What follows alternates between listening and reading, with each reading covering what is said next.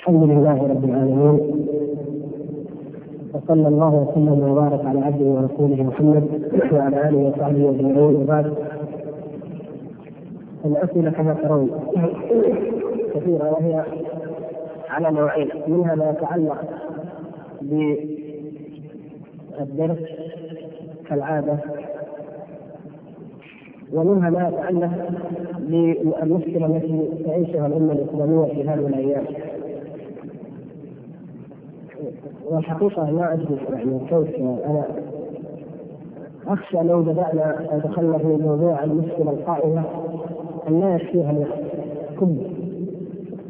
وفي النية إن شاء الله تعالى أن نخصص لها محاضرة خاصة أو أكثر هي الحقيقة تحتاج أكثر من محاضرة إن شاء الله وأكثر من إيضاح. وبعدين نظرت إنه يعني الوقت اخشى أيضا عدة عوامل الحقيقة تتنازعني الآن أنه الوقت كل أسبوع يمر ما أرانا إلا في حاجة أكثر إلى التذكير بقضايا أساسية تتعلق بهذه المشكلة. فإن أجلت إلى أسبوع بعد أسبوع فأخشى أن يفوت شيء من بيان الحق أو يكون هناك شيء من كتمان العلم الذي نخشى على أنفسنا والله منه. وإن يعني دون الآن نتحدث فأخشى أيضا أن يفوت شيء كثير على الإخوان الذين سيقولون لماذا لم يكن الأمر أعم من ذلك ويريدون أن يكون محاضرة أو أكثر. والله المستعان. ما أدري لكن أقول لعلنا إن شاء الله أو لعلنا لو ذكرنا الإخوة الموجودين هنا ببعض الواجب وبعض ما نراه من الحق في هذه المشكلات فلعلهم ينقلون ذلك إن شاء الله إلى بقية إخوانهم. ولعل هذا لا يتعارض مع أننا إن شاء الله سوف نتحدث بالتفصيل عن القضايا التي تتركب منها هذه المشكلة الكبرى هي تتركب من عدة قضايا كل قضية منها تحتاج إلى محاضرة موضوع حزب البعث يحتاج إلى محاضره أو أكثر الموقف منه موضوع موالاة اليهود والنصارى والموقف أيضا من أمريكا يحتاج إلى محاضرة. موضوع موقفنا نحن من أنفسنا وموقفنا مع ربنا سبحانه وتعالى يحتاج إلى محاضرة بل أكثر بل دائما هذا الموضوع نحتاجه دائما في كل وقت أن نتحدث عنه. وهكذا يعني تصوراتنا عن مستقبل هذه الأزمة وماذا يمكن أن تكون أيضا يحتاج أن نشرح بالتفصيل لأن له تصورات مؤكدة له توقعات مؤكدة هي بطبيعة الحال اجتهادات واحتمالات حول ما يرى من هذا الواقع. كل منها يحتاج إلى تفصيل أكثر لكن يعني تحت الحاح الإخوة الدائم في كل وقت يعني قلت لعلنا أن نتحدث عن شيء مما يجب أن يقال ونسأل الله أن يغفر لنا ما لم نقل وأن يهيئ لنا الفرصه لنقوله كاملا. فاول ما أحب أن أذكر نفسي وإخواني به في هذه القضية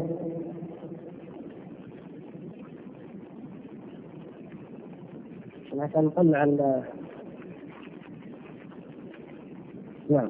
أول شيء أحب أن أذكر إخواني به هو كما ذكرنا في الأسبوع الماضي وكما يجب أن نكون دائما أن الله سبحانه وتعالى لا يقدر في هذا الكون إلا ما هو خير وإن كان فيه ضررا كان فيه ضرر أو شر لأناس مؤمنين أو كافرين من وجه من الوجوه.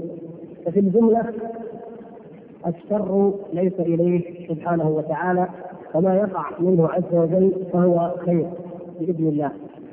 ولكن يجب علينا أن نعتبر وأن نستعد وأن نفيد من الأحداث لتكون خيرا لنا بالفعل أو خيرا لنا من جميع الوجوه وإن اشتملت على ضرر فإن الأمور بنهاياتها.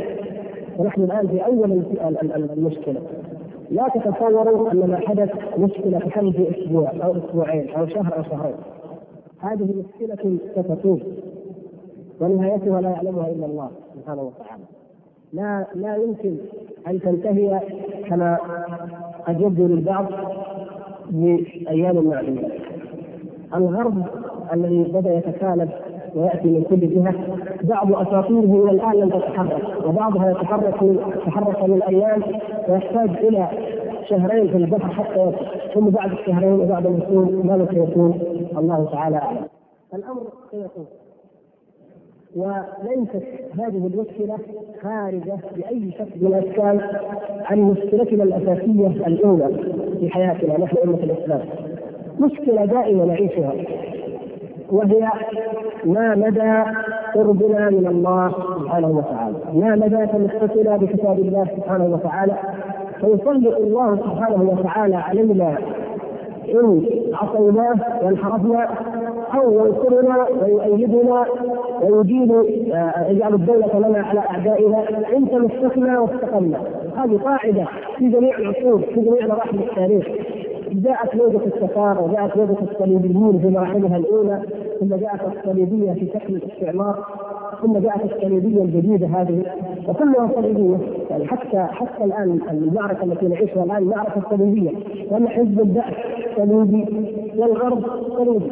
القضية كلها صليبية أهم شيء يجب أن نتحلى به أن تكون لدينا القاعدة الإيمانية التي لا يجوز أن نتلافاها بأي شكل من الأشكال وهي أنها سنة يمكن لله في الأمم وفي المجتمعات إذا عصوا الله سبحانه وتعالى إذا خالفوا أمر الله سبحانه وتعالى إذا جاءهم العذاب ولم يتضرعوا إلى الله سبحانه وتعالى.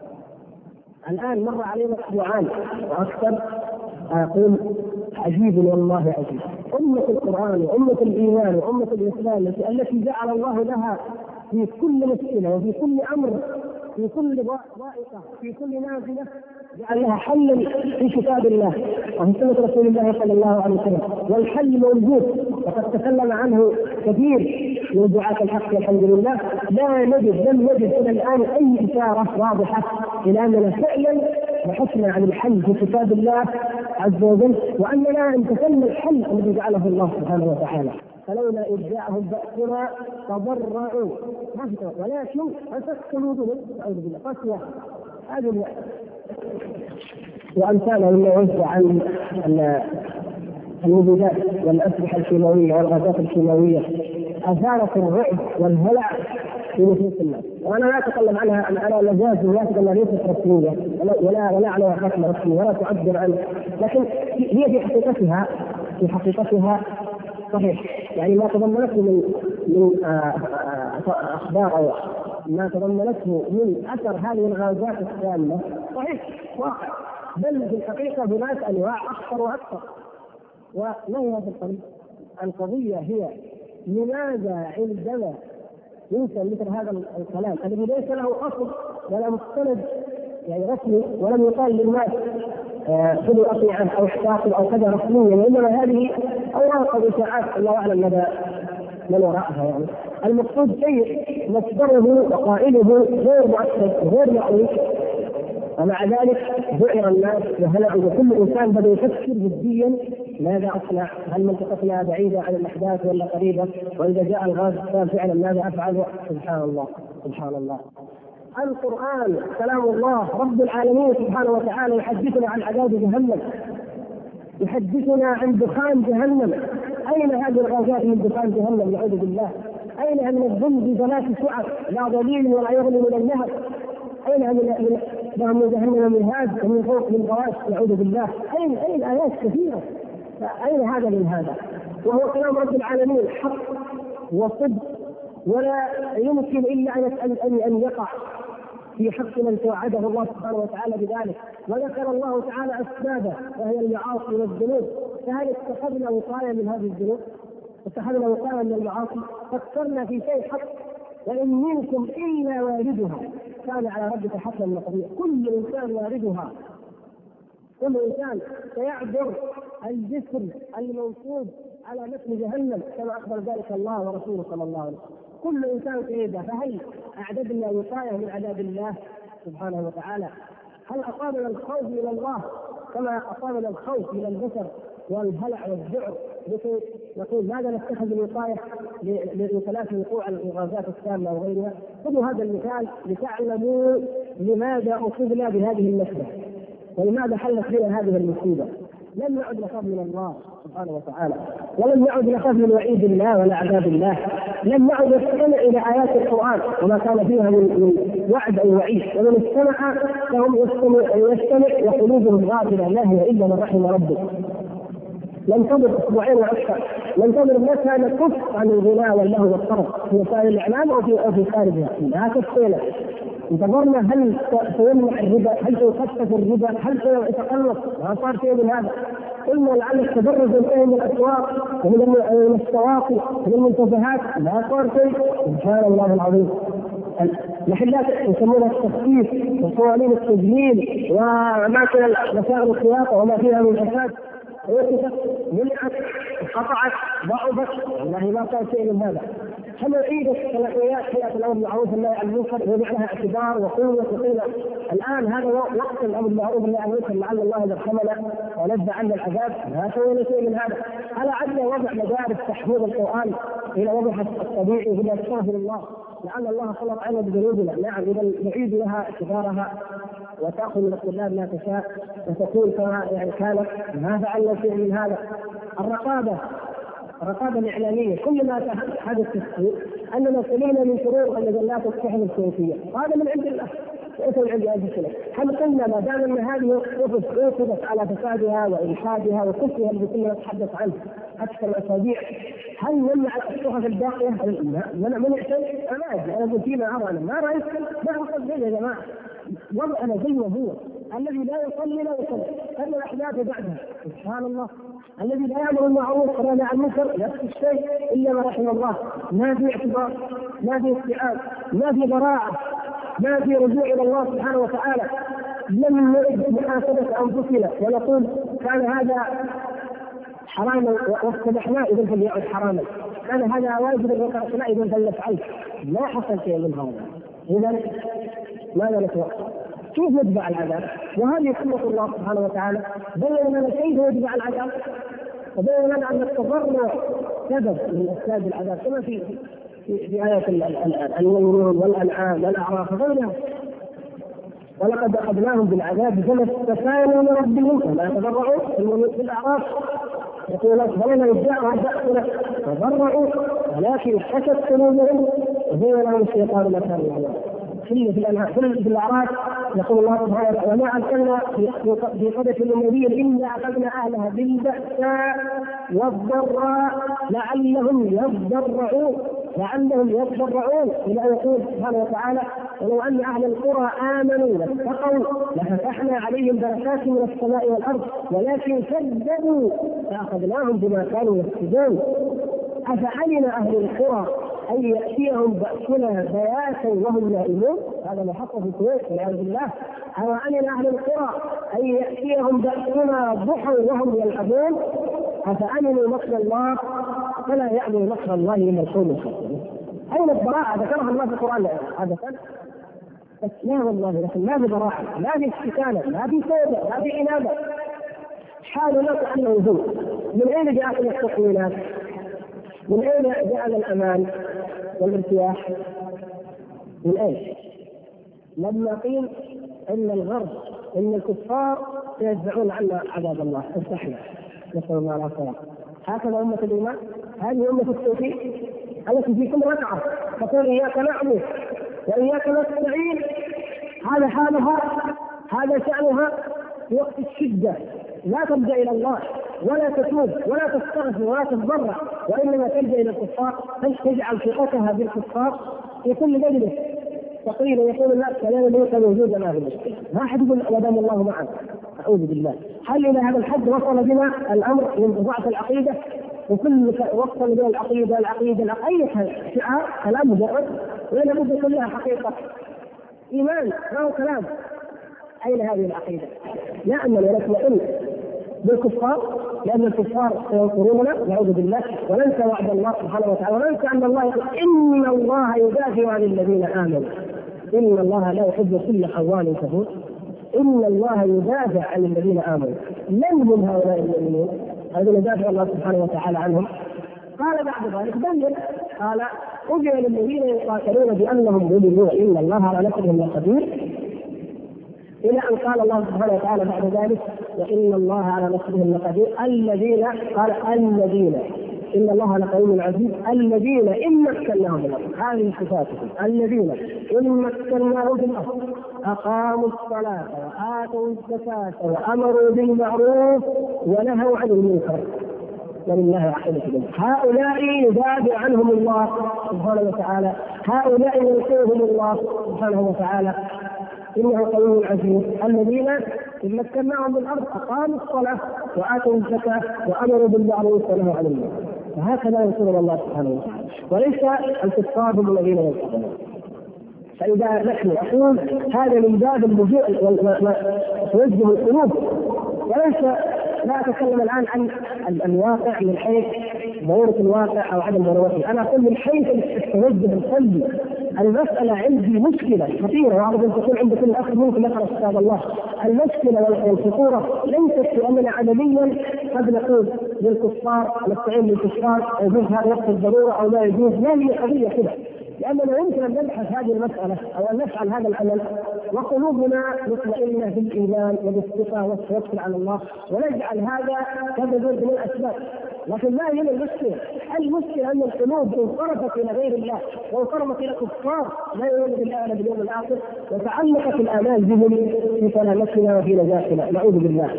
هذه يا إخواننا أنا أنا أريد أن نتناول القضية من جانبها الإيماني من جانبها القلبي الإبعاد وننبه إخواننا وأنفسنا وأهلنا وكل أحد إلى أن عذاب الله يأتينا بأشكال لا يعلمها. هذا جزء منه. هذا نذير فقط. وما يعلم جنود ربك إلا هو. يأتينا باشكال الموت ياتي أي واحد منا قبل أن تاتيه جنود أو تاتيه غازات فسيلقى الله يساله الله ماذا عمل ماذا قدم وما من دار إلا الجنة أو النار. فأين نحن من هذا من هذا التفكير؟ اين أين الدعاة والخطباء والعلماء لإيقاظ الناس إلى هذه المسألة المهمة؟ قبل أن نبحث الأسباب قبل أن ننظر في واقعنا وماذا نفعل الآن اللحظة. نبحث عن هذه القضية بدونها من الأساس. إشارة يعني وردت في في في بيان مجلس القضاء الأعلى إلى الاستغفار والتوبة. نعم وبعد ذلك أنظر وسائل الإعلام أنظر بيانات أنظر. نريد ان نجد هذا التفكير مع الأسف. ما نجده. وهو الأساس وهو الأصل وهو في القرآن. وهو الذي الله سبحانه وتعالى امتن علينا به والرسول صلى الله عليه وسلم بالمؤمنين ورؤوس الرحيم أرحم وارأف بنا في أي مشكلة تقع دلنا عليه بينه لنا صلى الله عليه وسلم لكن ما ما نجد ما لنا نفعل. بل في ساعات النصر النبي صلى الله عليه وسلم لما دخل مكة وهو منتصر دخل في ذله لله واستكانه إلى الله سبحانه وتعالى ومطأطئ الرأس حتى كاد رأسه نقع على رحمه وهداك مكه فتح الفتح العظيم الذي وعده الله تعالى به. كان في حال الاستكانة إلى الله سبحانه وتعالى ونحن في حالة الخوف والذع والهلع لا ضراعة ولا استكانه ولا إنابة ولا خوف إلا تعلق بالمخلوقين وتعلق بالعدو اللدود والذي عداوتنا به لا تنتهي إلى قيام وهذا العدو ما ما هو عندنا. ما هو تحليلات سياسية نقول أن أمريكا هي أعدى عدو الإسلام والمسلمين الغرب أعدى عدو الإسلام والمسلمين. التحليلات السياسية والصهريه وتقصي وتسوق هذا كلام رسول الله صلى الله عليه وسلم. هذا خبر منه وهو الصادق المصدوق. تقوم الساعة والروم أكثر الناس. حديث صحيح. الروم لا تقوم الساعة حتى تنزل الروم بالأحماق ونقاتلهم وهناك تكون الملحمة أخبار الدجال. أحاديث الدجال جميعا. وتتضمن في جملتها. أحاديث نزول عيسى عليه السلام كلها تتضمن إذا جمعتها أيضا نزول من أعظم ما يقول به عيسى عليه السلام هو محاربة هؤلاء النصارى الروم. أيضا هذه الأخبار الصريحة في الروم وان آخر ما يفتح تغزون جزيره العرب ويفتحها الله لكم ثم تغزون فارس يفتحها الله لكم ثم تغزون الروم ويفتحها الله لكم. والمعركة الحمد لله حتى كما بينها النبي صلى الله عليه وسلم المعركة ستنتهي لصالح المسلمين. والحمد لله مع الروم. حتى لا نخاف حتى لا نيأس. لكن أي مسلم حالات الذل تمر بالأمم كما تمر بها حالات القوة. حالات الخذلان تمر بها بسبب الذنوب كما تمر بها حالات التوفيق إذا استقت ورجعت إلى الله. تذكرون محاضرة مستقبل العالم الإسلامي في ظل نطاق الدولي ثم محاضرة الحروب السعوديه التي بعدها؟ من هذا المنطلق نحن كنا نتوقع ونعلم. دون معرفه التفاصيل طبعا لكن نعلم أن هذا الانفاق سيؤدي إلى أن الغرب يتكتل ويتألف ويتكالب علينا. وأنه سيجتمع علينا وأنه سيأتي إلى هذه المنطقة. لكن كيف الله تعالى أعلم ما نقدر المهم سيأتي. هل هذه فرصة أتاحها لهم حزب البعث الصليبي نفسه الصليبي الذي أتاحها لهم قدمها لهم على طبق من الذهب أم أنهم هم؟ لا لكن هي هل ركبت مع ركبوها بعضهم مع بعض؟ أو أنها حقيقة جاءت فانتهزوها فرصة فانتهزوها؟ لا يهم. لا ندري. لكن المهم أن أمريكا من عام 1980 يعني 1400 هجرية وهي في عز العدة وتدرب الجيش أكثر من 250 ألف جندي أمريكي يتدربون في صحراء موسادة صحراء وسط أمريكا قاحله على أجواء مشابهة لأجواء الصحراء العربية. والمعركة الآن يسموها عملية إيش؟ درع الصحراء. يتدربون هناك على الإنزال في الخليج. وآخر خبر ذكرت به عندما حدث الإنزال في بلما وعندما قيل يعني التحليلات العسكرية لعملية الإنزال في بلد قيل إن من أهدافها الاستراتيجية هو التمرين والتعود على الإنزال في الخليج، هذه العملية ما لها إلا بضعه اشهر. يعني الأمر مضيق عندهم الأمر وارد مضيق اتوا فرصة قدمها لهم اعداء الاسلام نعم جاءتها جاءوا من كل حدث وصف كما قال صلى الله عليه وسلم. ومن لا ينطق عن الهوى. تتداعى عليكم الأمم من كل أفق كما يتداعى الاكله إلى قطعتها. من كل أفق من كل مناطق جاءوا إلينا. بحجة أنهم يحموننا يحموننا لكي تعلموا مما نشر انه آه، من ال 250 ألف ما لا يقل عن 30 ألف امرأة. يعني برتبة الأضابط ونقيب ورقيب وهؤلاء نسائهم معهم طبعا. هؤلاء بنسائهم جاءوا ليحموا أبناء خالد بن الوليد وعمر بن العاص وعمر وأبناء الأبصار الذين فتحوا فارس والروم بعدد أقل من عددنا اليوم وبعدة أقل من عدتنا اليوم هؤلاء الذين لو كنا كما أمر الله مستقيم لله قائمون على أمر الله والله نفتح العالم بما عندنا بما عندنا من أجل وما عندنا من قوة. ما كلفنا الله ما كلفنا ما نطيع وأعدوا لهم ما استطعتم من قوة ما استطعتم ما نقدر إلا هذا خلاص. اعذرنا إلى الله سبحانه وتعالى حتى اسوء ما يمكن يا إخوان وهذا واقع. اسوء ما يمكن أن قد يتقالب علينا أعداء لا نستطيع أن ندفعهم ماذا نفعل؟ ويؤذون سنة النبي صلى الله عليه وسلم وسنه الخلفاء الراشدين وخالف الاسلام عدة وسائل قد نصالحهم فإن أبوا إلا على شيء من المال وقيل والنبي صلى الله عليه وسلم أراد أن يعطي الأحزاب لما تكالبوا عليه من ثمر المدينة كما تعلمون يمكن قد نصالحهم على شيء من الأرض يمكن وقد نقول لا نبغى أن نخالفهم يعني ويمكن يعني هناك وسائل بدائل ما جعلنا الله تعالى في ضيق في حرج اما هذا أو هذا. كما يظن بعض الناس اليوم كثير من الناس يعني كما قلت لكم في المجالس وفيما أسمع ما عندنا يعني إما إما الموت أو التعلق بالغرب. ما قال لك ما في إلا هذا ما في إلا هذا البديل بالمليون لا ذلك؟ له انت تكون عشرة بدائل.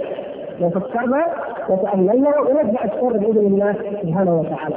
فالمشكلة الأساس مشكلتنا مع الله مشكلتنا مع رب العالمين سبحانه وتعالى. لم نصطلح مع الله نحارب الله. فألب الله تبارك وتعالى علينا وأرسل علينا هؤلاء كما أرسل على بني إسرائيل الفرس وقت نصر وإن عدتم عدنا هذه لم تسقط بني إسرائيل حتى هذه الأمة إن عادت عاد الله سبحانه وتعالى بالعقوبة. إن ربك لبالمرصاد. سبحانه وتعالى. الفسق والفجور والطغيان والترف الذي كنا نعيشه. هل كان يمكن لأي عاقل لأي ناظر في كتاب الله وسنة رسوله صلى الله عليه وسلم أن يصدق أن هذا يستمر إلى الأبد بدون عقوبات مع أنه لا توبة ولا أمر بالمعروف ولا عن لا يمكن. بل نهلك وفينا الصالحون إذا كثر كما بين ذلك النبي صلى الله عليه وسلم. فكان كان المفروض أننا ننظر إلى كل هذه الأمور من خلال كتاب الله ومن خلال سنة رسول الله صلى الله عليه وسلم. وأن نحمد الله على هذه الأحداث. عبر عبر عظيمة. شكرا لنا تهدى لنا. عبر والله لكل دين هل تظنون أن الله سبحانه وتعالى وهو قد أخبرنا عن نفسه وعن رحمته بالمؤمنين وما أعد لهم وما يبشرهم به هل هل يعني لا يظلم الكفار. هل يظلم المؤمنين؟ ان الله لا يظلم الناس شيئا ولكن الناس انفسهم يظلمون. هل يظلمون الله سبحانه وتعالى؟ نجمع قدام حين الملايين والمليارات طوال عشر سنوات. ثم ترتد أموالنا علينا. يظلمنا الله بذلك؟ لا والله. لا والله لا يظلمون لكنه ظلمنا لأنفسنا. تعلقنا بالأسباب المادية. والذين ايدوه وافقوه من منهم لم يحسن إليه ولم يعطه ولم يساعده ولم ولم ولم. هل هذا من ظلم الله لنا؟ يظلمنا الله تعالى الله عن ذلك. نفعل هذا الإحسان وهذا الخير وهذا العطاء ثم يظلمنا؟ لا والله. لكن لو اننا كنا مستقيمين على أمر لا ننفق إلا حيث أمر الله أن ولا نمنع إلا من أمر الله أن نمنع. وإذا أنفقنا فللدعوة إلى الله. وفي سبيل الله. وجه الله. والله ينصرنا الله والله ليذل الله تعالى ذلك نفسها وتأتي راشعه ذليله وقد اذلها لمن هو أضعف شأنا منا. وليس عليه بعزيز أن يذلها لنا ونحن امه الايمان والتوحيد والحمد لله. اذلها لكوبا واذلها لغيرها ما تستطيع أن تفعل شيء ضدها. وهي الآن هي المحتاجة إلينا هي المضطرة إلينا.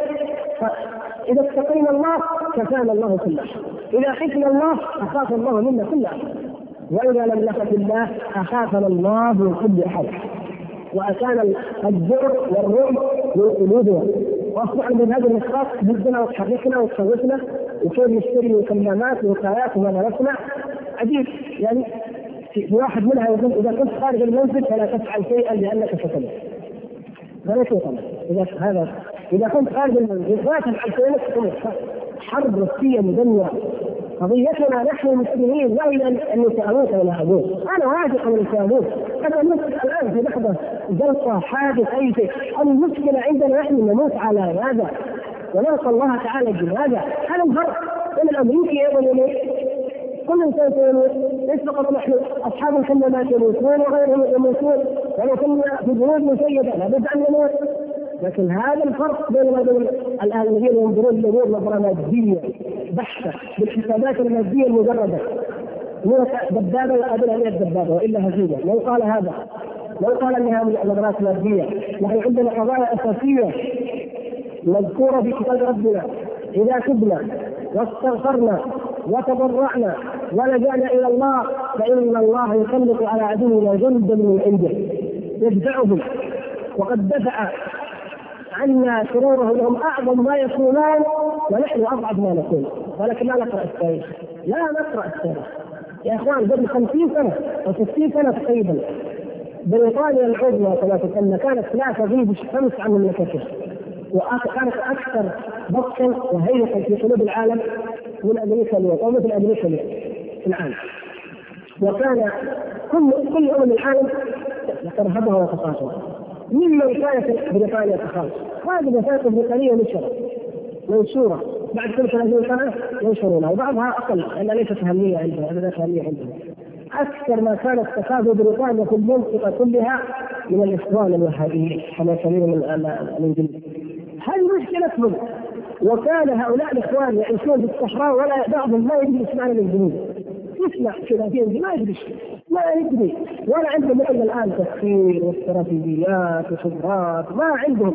ولكن كان الإنجليز يخافون منهم خوفا شديدا من الوثائق المنشورة بالمناسبة هذه حتى تعرفوا كيف أنهن على الله كيف نكون مع الله.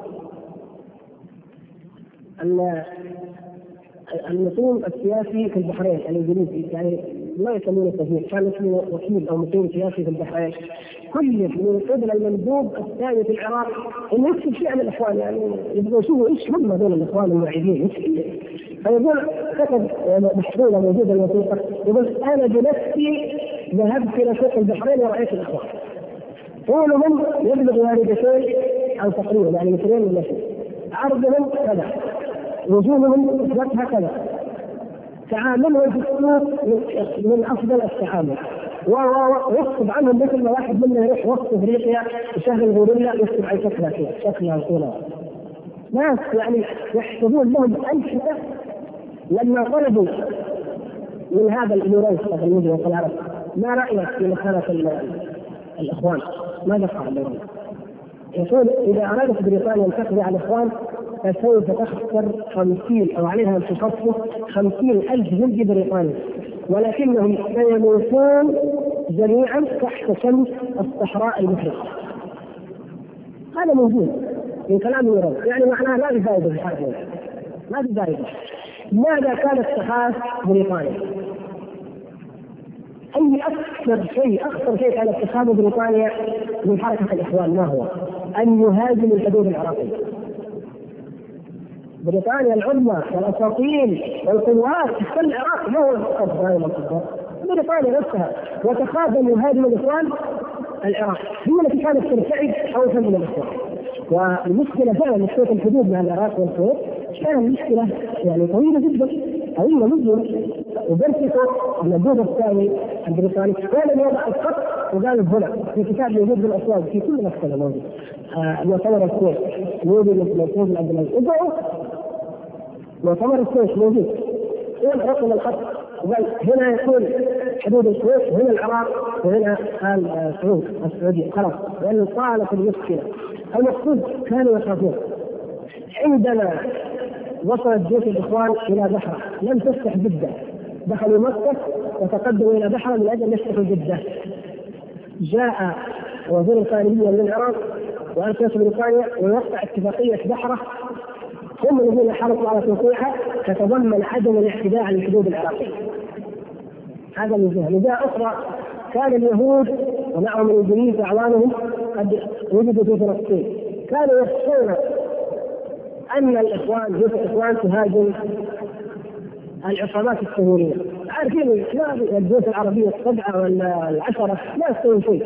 لكن لو جاءوا هؤلاء فيقضون على اليهود قضاء مبرما وبالفعل عام 1924 وصلوا وصل الاخوان إلى عمان.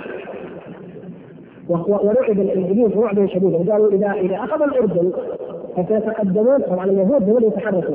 سيتقدمون إلى فلسطين وسيقضون اليهود وهم لم يكن لديهم أكثر من البنادق العادية وسوريا حتى لما قيل لهم هذه قصة مشهورة فنقلها الكبار الذين حضروا تلك المعارك. يعني صوت الطائرات مشهور لكن سببه وقصته. أن قيل للإخوان لا لا تعملون وتقدموا لماذا؟ قالوا لأن الإنجليز عندهم طائرات. طائرات تلقي نار من السماء ما يدرون إيش معنى قنابل مثل فيعني لا تعملون فقال قادتهم قالوا هذه الطائرات فوق الله ولا الله فوقها انظروا شوف الإمام كان مع الله قال خلاص توكلنا على الله. تأتي الطائرات وتسقط الطائرات بالبنادق العادية. سقطت الطائرات وانهزم بيت الشريف الذي كان يخشى ان عنده طائرات ودخلوا إلى جدة ثم تقدموا منها حتى أخذوا العقبة. هذا يعني كانوا كانوا في في ضعف فعلا لكن كان لديهم قوة الإيمان والعقيدة القوية بالله سبحانه وتعالى والثقة بالله فكان العالم يخافهم ويرهبهم. أما نحن والله عندنا قوة ما يبين قوة الطيران ضخمة. وقوة أخرى والحمد لله. قوة مالية كل شيء موجود من بين الشريك لكن لأن أقول المعاصي والظروف. نحن عسكريين نتكلم بالخطة العسكرية ولا نتكلم بالاستراتيجيات نتكلم في الشيء الأساس. يجب أن يكون عند العسكري وعند المدني وعند كل أحد؟ الإيمان بالله؟ قوة التوحيد. قوة التوكل على الله. إن وجدت عندنا والله لا يخاف منا الغرب والشرق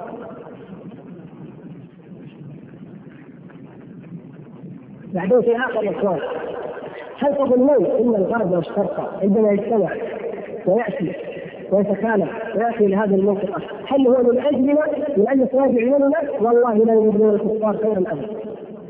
إن في الغازات السامه علينا أو على بغداد الموتى مسلمون لا يضرهم شيء.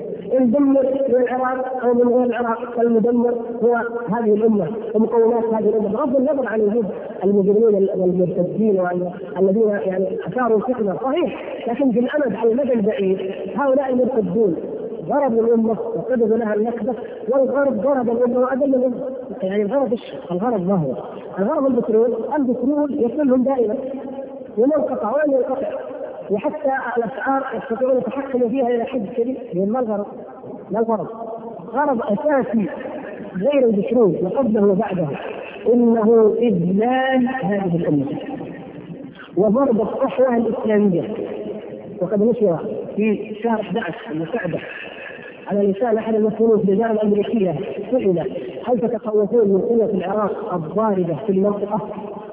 فكانت الإجابة قال لا لأن العراق يشكل أكبر قوة في المنطقة بضرب الصحوة الإسلامية التي هي اخوف ما هذا موجود ومنشور وإذا رجعت إلى مجلة بيت الحياة قبل أن يوم الجمعة وزير الخارجيه البريطاني قيل له جونا يقال له كيف كنتم مع العراق طوال السنوات الماضية وما هو موقفكم الآن؟ ثم بعدين قول عن يعني توقعاته عن أنا لكم مجمل يعني جوابه عدة أسئلة. قال اما من مع العراق أن يعيد العراق سابقا فهذا أمر حتمي لأنه كان يحارب الأصولية الإيرانية قال بعدين وأكثر ما يزعجنا الآن أن تتحالف القومية مع أيضا الأصولية الإسلامية في موقفها لتأييد صدام.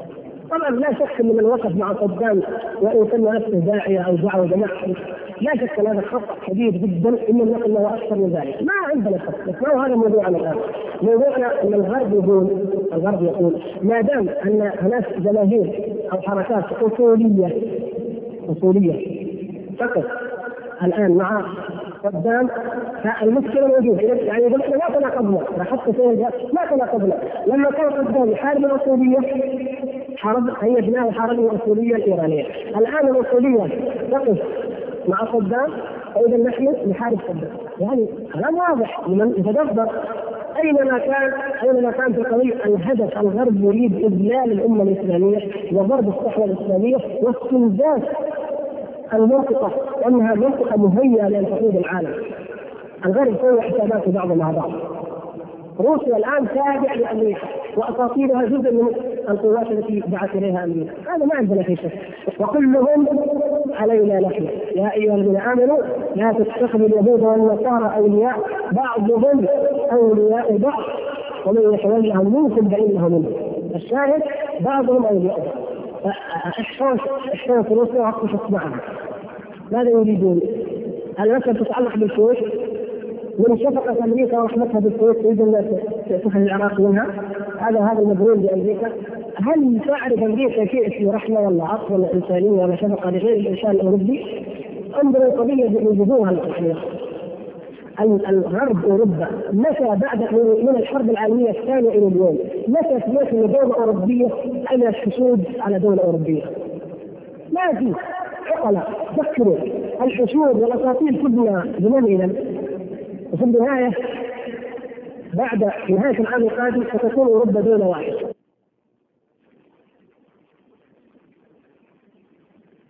وفي النهاية بعد نهاية العام القادم ستكون أوروبا دولة واحدة. طيب وبعدين اذا الاساطير لمن؟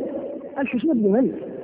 لمن المليارات اللي تنفق على التسليح وهم أصبحوا دولة واحدة ما عاد لا فاشيه ولا نازيه لا هتلر لا مستطيع اذا لماذا؟ للعدو للعدو نحن الذي من أجله تفشل هذه الامكانيات جاءتهم هذه الفرصة أو خططوا لها المهم الآن بدأوا يتوافدون وسوف يتوافدون علينا بهذا الغرض. أمريكا من أجل هذا الحدث البسيط أرغمت أسبانيا واليونان وتركيا على استخدام القواعد وأخذت منها صلاحيات واسعة جدا في ذلك واحتلت وطوقت المحيط الهندي وبحر العرب والبحر الأبيض المتوسط ويعني المنطقة بكاملها كل منطقة ابتلعت من أجل خططون في المدى البعيد. نحن لا نقول هذا من باب الاخافه والله والله كما قلت لكم والله إننا كما نؤمن وكما نثق وكما نقسم أن الشمس ستشرق غدا بإذن الله والله سيكون النصر هذه الأمة بإذن الله. لكن لمن؟ وعلى يد من؟ نحن نحتاج هذه هذه هذه الأمور الأساسية. أن نذكر الناس بالله أن نربطهم بالله أن يكف الشباب عن عن متابعة الصحف والغذاء هذا ومتابعه نشاط الأخبار ونعلم الناس كلهم يا ناس ارجعوا للقران اعمروا المساجد كفوا عن هذا التبرج والتسالم في الأسواق مروا بالمعروف انهوا عن المنكر توبوا إلى الله. فلما تشغلوا ذاتكم بهذا الله اشغلوه بالجد بالحق فغيروا ما بأنفسكم فيغير الله. إن الله لا يغير ما بقوم حتى يغيروا ما بانفسهم غيروا. تجدون أن الله ذا اظهر قدام بانقلاب عسكري بشيء يذهبه يعني ثم بعد ذلك يوجد أمريكا وهي العدو الأخطر والأكبر. يجيبهم الله بما يشاء يعين عليه أن هو يغير نبدا من الآن. والملحمه مع الروم لن تكون سهلة ولن تكون عشر سنين ولا خمس ولا سنة. ملحمه طويلة. ومعركة طويلة تحتاج أول ما تحتاج إلى أمة مؤمنة قادرة مستقية. وإن تصبروا وتتقوا لا يضركم كيدهم شيئا. أول شيء الصلح مع الله. نلغي الربا نلغي الفساد الزنا من الباطل الذي يكون فيه الفاحشه والزنا الظاهر من التبرج وما إليه. نلغي الزنا نلغي الربا نلغي الزنا. وقد النبي صلى الله عليه وسلم جعله معه. نلغي الرشوه نلغي الغيبة والنميمة والحسد والبغضاء الذي بين نحن المسلمين نلغي نلغي كل نظام يخالف شريعة الله سبحانه وتعالى. ولا يظل في كل الأمور يكون الحكم لكتاب الله وسنة رسول الله صلى الله عليه وسلم وإلى شرع الله وإلى دين الله. نتحاكم إليه في كل صغيرة بيكون كبير حقا وليس مجرد شعارا نراجع أنفسنا. ماذا اذنبنا؟ ماذا أخطينا؟ ماذا فعلنا؟ نتوب إلى الله سبحانه وتعالى، ثم بعد ذلك نعد العدة ما استطعنا، وأعدوا لهم ما استطعنا. هؤلاء البعثيون أعداء الساعة. نعد لهم ما استطعنا وسينصرنا الله عليهم. وأما الروم والغرب فهم اعداؤنا إلى قيام الساعة. كما أخبر النبي صلى الله عليه وسلم، فنعد لهم أيضا العدة ونعلم أنهم لابد أن يواجهون يوم الموت. ثم نجعل جميع موازيننا. إذا أعطينا نعطي لله وإذا منعنا نمنع لله وإذا غضبنا نغضب لله وإذا رضينا نرضى لله. ثابتة له عياذا بالله نسأل الله لا يكون ذلك. لكن نعوذ بالله نخشى أي لو حلت القضية. طبعا نحن نتمنى أن تحل القضية وتنتهي المشكلة. لكن أخشى أن بعد ما تنحل يرجع أصدقاء نحن هؤلاء المستقبل لا نعتذر وأيضا العلاقات والصداقة والمحبة وكل شيء ومؤتمرات القمة الإسلامية وقمة كل شيء يبدأ وكأنه شيء لم اذا إذا كنا من يمدح الواحد عشرات المرات فنحن جديرون بأن نزل نسأل الله العفو والعافية. لا. كفار إذا نعاملهم بما ما أمر الله يعامل الكفار وليسوا هم وحدهم البعثيين البعثيين في أماكن أخرى. وليسوا هم وحدهم المرتدون. المرتدون في أماكن أخرى. إذا نكون موالاتنا ومعاداتنا كلها ولذات الله وفي هذه العقيدة نتمسك بها. إن متنا نموت نحن متمسكون بها وقد عملنا ما استطعنا وأعددنا ما استطعنا. وإن عشنا فالنصر لنا بإذن الله سبحانه وتعالى. تأكد أن الله سبحانه وتعالى سوف ينصرنا. إن لم يكن ديننا هذا الذي هو دين المعاصي فسيكون الدين الذي سيأتي من عند الله. ياتي به الله سبحانه وتعالى. الجيل الذي سيتربى بعيدا عن العقد النفسية. ما في عنده عقدة إعجاب بالغرب ولا خوف من الغرب ولا إرهاب من الغرب. انظروا قضية الفلسطينية الأجيال الأولى هربت وفرت ما عملت شيء الآن الأطفال الأطفال. واحد أخ عزيز حبيبي يقول لي راح في العطلة إلى هناك. عنده ولد خمس سنوات. يقول ما أدري كيف ولا قلت له ولا دريت. فدخل له ودخل ندور له.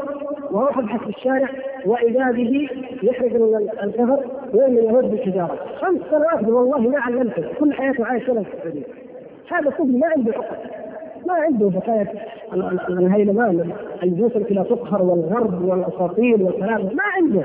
هذا هو رأس الخلق هذا الجيل سينتصر بإذن الله. وان قل العدد عندما جاءت الحملة الصليبية الأولى كم وصل؟ في القرون اللي قدام كم وصل إلى انطاكيا الذين فتحوا انطاكيا واخذوا أول دولة أول مستعمره لهم. خمسة آلاف من الصليبيين خمسة آلاف بس. لكن الأمة كانت مشغولة بالشهوات. فرقتها العصبيات. فرقتها الفرق والطوائف الضالة. بالطرف أغلى شيء في تلك الأيام كانوا المسلمات أغلى سلعة في السوق الجارية المغنية إلى 10000 دينار إلى 100000 دينار. أغلى شيء. طرب له لعب وأمة كبيرة ضخمة جدا ومعرفة هائلة. 5000 من الصليبيين يذلونه ويرغبون لكن الحملة الثالثة 300 ألف صليبي. من جميع دول أوروبا وهزم بعد 50 سنة تقريبا. لماذا؟ لأنه ولد جيل وظهر جيل من أمثال نور الدين وعقل جيل لا يعرف الله إلا الإيمان بالله سبحانه وتعالى ولا عنده ذلك الفسق والفجور والنهي والنزول الذي كان عنده. إذا نقول يا إخوان لا يحتاج نذكركم ونذكر لكن لأن التذكير واجب. وإن كل هذا كله أنتم تقرؤونه والحمد لله. نقول نصيحة لله سبحانه وتعالى وللمسلمين خاصتهم وعامتهم نوجهها من هذا المكان. نسأل الله سبحانه وتعالى أن تبلغ إلى كل من ينفعه الله سبحانه وتعالى بها أن الحرب اولا مع أنفسنا والصلح اولا مع الله.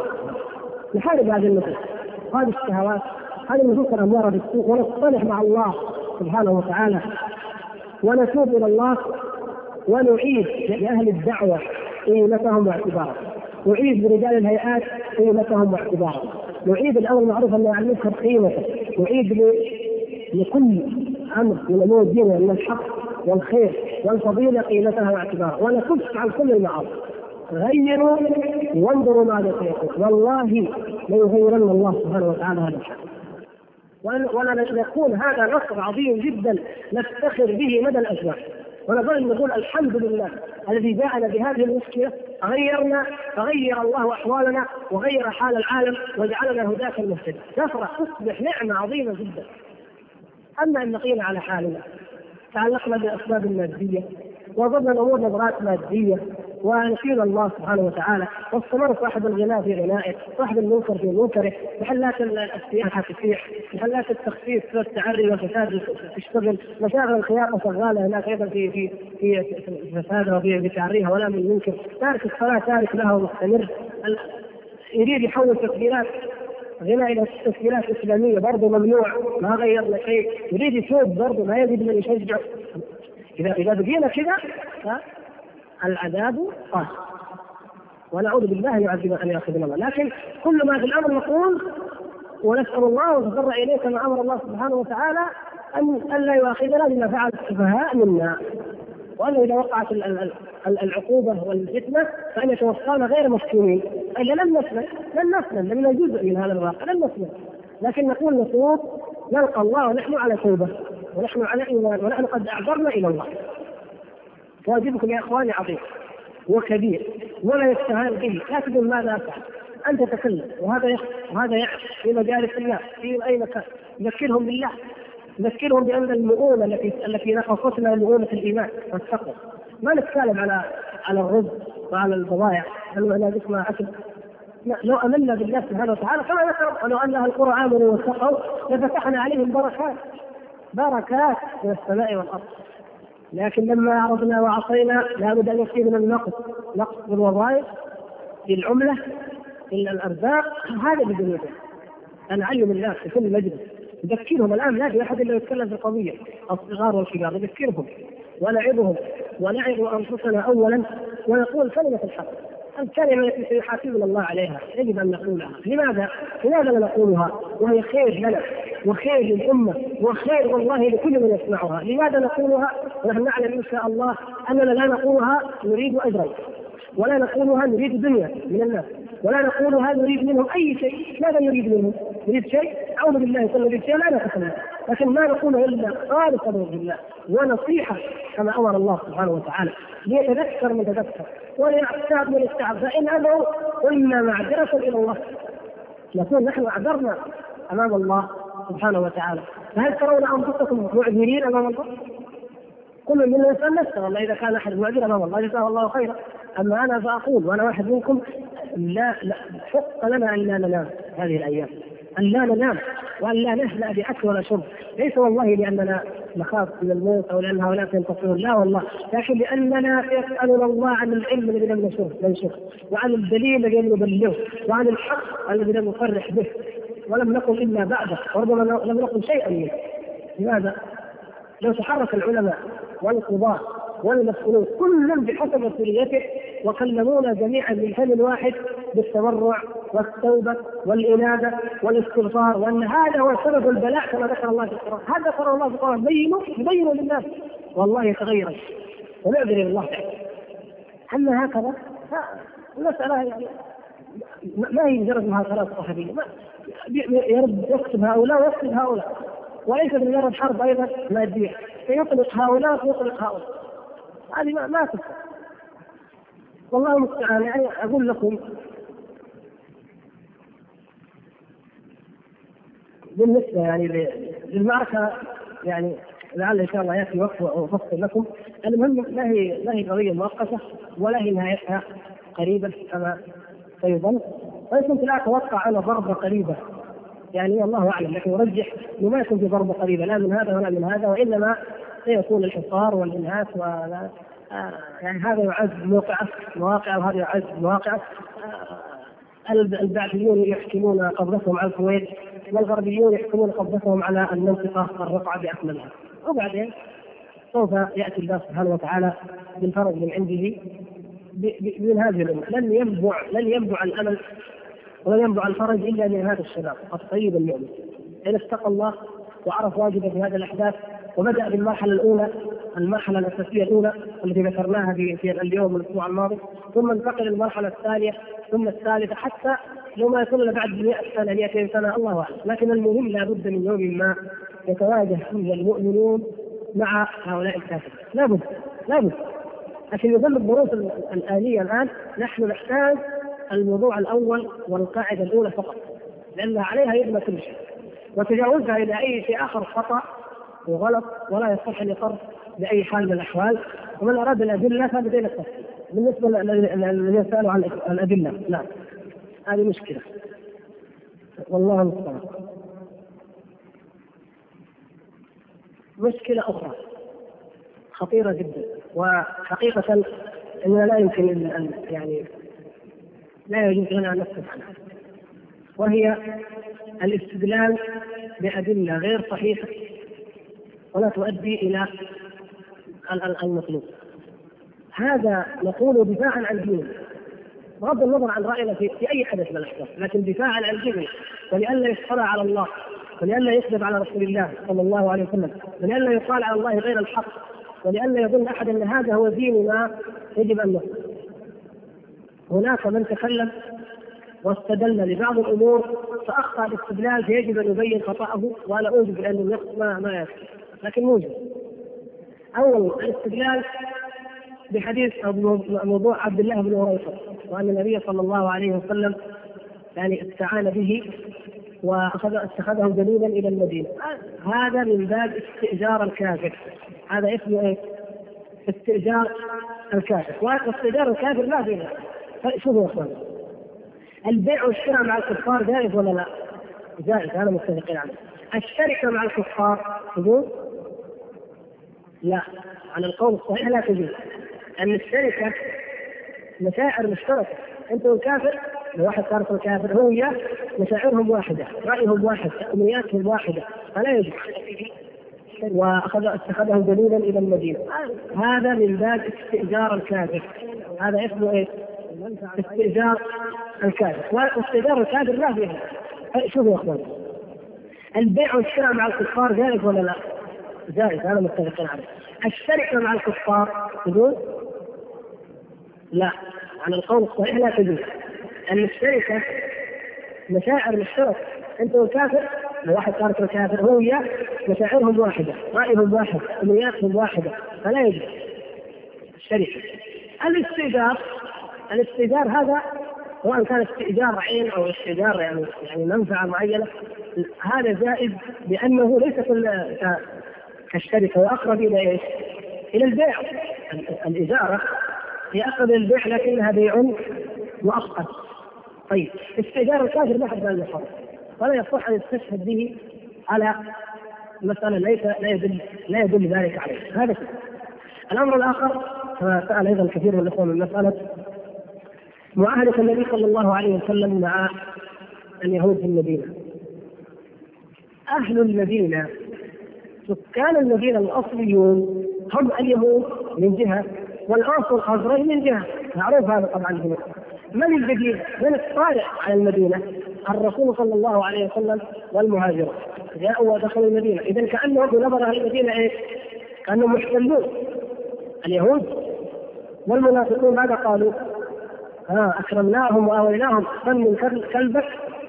ياكلك هذا قال عبد الله بن هذا مثلنا. والله إذا رجعنا إلى المدينة ليخرجن الاعز منها الاذل يعني إحنا آويناهم وجبناهم الان يطلبون نصهم علينا. انظروا يعني الشاهد. أهل المدينة الأصليون هم اليهود والاوس والخزرج المهاجرون ومعهم النبي صلى الله عليه وسلم طارئون على المدينة كأنهم جو احتلوها وجاء النبي صلى الله عليه وسلم وكتب المعاهدة ومن ضمن ما كتب أن الأمر في المدينة كله الأمر الله فيها نرجعه إلى من؟ إلى رسول الله صلى الله عليه وسلم. هذا شيء مهم جدا يعني شرع الله هو الحاكم على الجميع وإذا ذهب المدينة عدو فإن الدفاع كما يسميه إحنا ان يكون من من الجميع. يعني معقول يتصدى المهاجرون والانصار للعدو واليهود قاعدين آمنين وهم من أهل البلد وهم مواطنون هم ما معقول هذا هذه القضية. فهي مسألة تختلف تماما وهذا شيء آخر. ونوجد أيضا. هل استعان النبي صلى الله عليه وسلم بالمشركين في أي معركة من معاركه؟ ابدا. وذلك ما جاء في بيان كبار العلماء أن الأمر يرجع إلى الضرورة. أي نعم هذه الضرورة. الأمر يرجع إلى الضرورة. والضرورة لها أحكام ولها تفصيل. ما هو هذا الموضوع؟ بس موضوعنا نحن كناحيه علمية بحتة نقول لم يستعن النبي صلى الله عليه وسلم بمشرك في أي حرب الحروب بل في صحيح مسلم أن أحد جاء فقال أسلم. قال بد قال لا. فقال صلى الله عليه وسلم ارجع فانا لا نستعين بمشرك. ارجع فانا لا نستعين بمشرك. هذا حديث صحيح. اما ما نسب إليه أنه ذكره الشافعي رحمه الله أو سعيد المنصور وغيره أنه استعان بعض يهود خيبر فهذا غير صحيح. هذا الحديث غير صحيح. ولم يستعن بهم وإنما استعمل النبي صلى الله عليه وسلم استعمل يهود خيبر يعني استخدمهم في الأرض جعلهم رأي. أما استعان بهم يعني حارب بهم لا. واسهم لهم لا. هل استعار النبي صلى الله عليه وسلم دروعا من الكفار؟ اولا الحديث الصحيح في سنن النسائي وغيره بسند صحيح لا شك في صحته أن النبي صلى الله عليه وسلم استعار من يعلى يعلى بن أمية. ويعلى بن أمية صحابي جليل مسلم مؤمن والحمد لله لكن ورد في روايات موجودة في السنن وفي المسند وغيره بعض الكتب أنه استعار من صفوان صفوان بن أمية وهو مسلم. صح إذا كان لو صحت رواية صفوان كان نقول لكن الصحيح هو أنه استعار من من؟ يعلى وليس من صفوان هذا أول شيء. ثانيا نقول على فرض صحة أن النبي صلى الله عليه وسلم استعار النبي صلى الله عليه وسلم يحكم الجزيرة العربية يحكم هو قائد الأمة ولي الأمة وجيش 12000 ولذلك قالوا لن نغلب اليوم من قلة ويوم حنين إذ أعجبتكم كثرتكم. هكذا قال الله فكانوا جيش عرمرة الجيش المسلم يمكن يستعير من تاجر أو يأخذ من تاجر من تجار الكفار دروع ممنوع هذا في شيء؟ ما في مشكلة. هذا لو صحت ولا ما صحت لكن نقول فرضا الدولة المسلمة تشتري من أحد الكفار. هذه شيء. تستعير. هذه شيء. لكن هل هذا من باب النبي صلى الله عليه وسلم استعان بالكفار وحاربوا معه؟ على كفار آخرين؟ لا. نقول هذا براءة للذمة لأنه ما يجوز مهما كانت الظروف والضغط النفسي علينا وكذا أن نبرر لأنفسنا بدليل غير صحيح. ما يصح أن نستدل به في وقت الضرورة هو الضرورة. مثل الميتة، الميتة أكلها حرام، ما في دليل أن الميتة أكلها حلال، لكن في حال الضرورة تؤكل الميتة ما في بين العلماء. إذا متى تكون الضرورة وهل هي ضرورة وهل وهل هذا شيء موضوع آخر لكن هل نستدل بدليل ضعيف أو أو موضوع أو أو غير صحيح لا يكفي يعني وسيلة في الاستدلال غير صحيحة نستدل بها على شيء وهو غير حق لا. أيوه قلنا هذا الحديث الأسبوع الماضي حديث وتصالحون الروم وتقاتلون معهم عدوا من ورائهم فتصلمون وتغنمون ثم ينقضون يعني نعم هل هذا فيه دليل؟ هذا إخبار عن حال عن واقع يخبر النبي صلى الله عليه وسلم أن هذا أمر سيقع. أنتم ستفعلون. هل هذا دليل على الحق؟ أنتم ستفعلونه هو لا يخرج على الأدلة الشرعية لكن نعم نحن سنفعله. وفي النهاية فيكون الحرب والنقض بين ينقض الروم العهد فيكون قتال.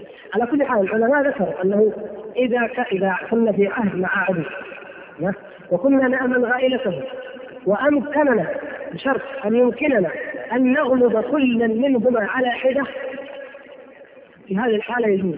يعني حالات ما أبغى في التفاصيل. لكن مثلا كيف؟ أن نغلب كل منهم على حدة. يعني مثلا يجينا نحارب الفرس جو الروم بيننا وبين الروم صلح، الروم أيضا يكرهون الفرس، شاف نحارب معكم يقول أنتم من التعاون من الغرب ونحن نجي من الشرق، لكن نحن نغلب إيش؟ أنهم نستطيع أن نغلب الفرس اذا حاربناهم وأن نغلب الروم وأنهم لو اجتمعوا علينا الاثنين أيضا لغلبناهم. في هذه الحالة هذه أصبحت حاجة إيه؟ نعتبره في الجرائد الأيام هذه علمونا عبارات هل هي استراتيجية ولا تكتيكية؟ هذه تكتيك الله شاء الله تكتيكيه يعني عمليا ما ما ندخل في صميم الأسس إنما عمليا والله فعلا. هذول عدوين هؤلاء عدوان أمامي. ممكن أنا استعين بهذا تتحرك أنت من هنا وأنا من هنا ونقضي على هذا العدو. لكن أنا لو لو انصرفت عنهما لو حارباني جميعا اغلبهما هذا حالة. هذه حالة ذكرها الفقهاء في حالة أنه يمكن أن تستعين بكافر أو يعين الكافر في القضاء على عدو آخر. المقصود أننا يعني حتى مهما كانت الضغوط مهما كانت الأمور يجب أن نتقي الله. إذا قلنا قال الله أو قال رسول الله أو هذا من الدين أو هذا يجوز وهذا لا. يكفي أن نقف عند كلام العلماء. فيكفي العلماء أنهم قالوا إيه؟ ضرورة. يعني الله اعلم عن الضرورة وأحكامها. أنا ما أتكلم في هذا الآن. لكن أقول بأي دليل آخر فإنه غير صحيح. عشان يخوفونا إنه المطاوع راح يموتوا. قالوا ان الكمامات الواقية لا يمكن استخدامها مع اللحيه. أي نعم نعم صحيح. لكن هذا نشرها اليهود. طبعا هذا الكلام تكلم به مسؤول في الحاخامية اليهودية مقر المقر الديني لليهود في إسرائيل. فقال يجب أن تصطحبوا معكم مخططات لأنه في حالة الإسلام قناع سيكون يعني يعني إسرائيل مع الأسف أقول بكل ألم إسرائيل سكانها يمكن يقال خمسة ملايين يقال أربعة ما أدري المهم ممكن تجند مليون جندي في خلال 24 ساعة الجيش جاهز والاحتياط جاهز والكمامات جاهزة وكل شيء جاهز. أمة تعيش الحرب تعيش حالة حرب مع أن الانتفاضة تؤرقها من الداخل مع أن اقتصادها منهك منهار من الداخل. مع أن مجتمعها متفكك مكون من عدة جنسيات مع مع مشاكل كثيرة لكن مستعدة في خلال 24 ساعة يكون لديها ما يقارب المليون جاهزين لأي حرب لذلك وجدت ما لم اليهود كرماء على الله أورثهم الله الأرض. الله سبحانه وتعالى ولقد كتبنا في الزبور من بعد الذكر أن الأرض يرثها عباده الصالحون، يعني أمريكا صالحة واليهود صالحون عرفهم الله الأرض، لا والله. لكن اتخذوا أسباب اتخذوا اسبابا ماديه وغيرهم المقابل لهم ترك الأسباب وترك أعظم الأسباب فلذلك كان هذا حاله فكل إنسان في في في, إسرائيل مدرب ومبلد وقابل للتدريب، الحقانيه هذه تقول له إيش؟ تقول أنتم يا يا أهل الدين عند منكم تتجلدوا فلازم يكون عندك مقصات حتى تحط الكمامات. فعلى كل حال هذا من الارجاف الذي استغله المنافقون وبداوا يتكلمون وانظروا بالله مثل هذا الارجاف إذا نشر في صحافة إسلامية. وتكلم الناس به في المجالس. وقد يقولون على طريق المدح بعض الناس يقولها بالمدح يعني استهتار وأنتم أهل اللحى نعوذ بالله الاستهزاء بالدين إلى هذا الحد. هذا أقول مثل هذا يدلكم على أننا فعلا فعلا مشكلتنا هي مع الله وليست مع الغرب ولا مع الشرق نسأل الله العفو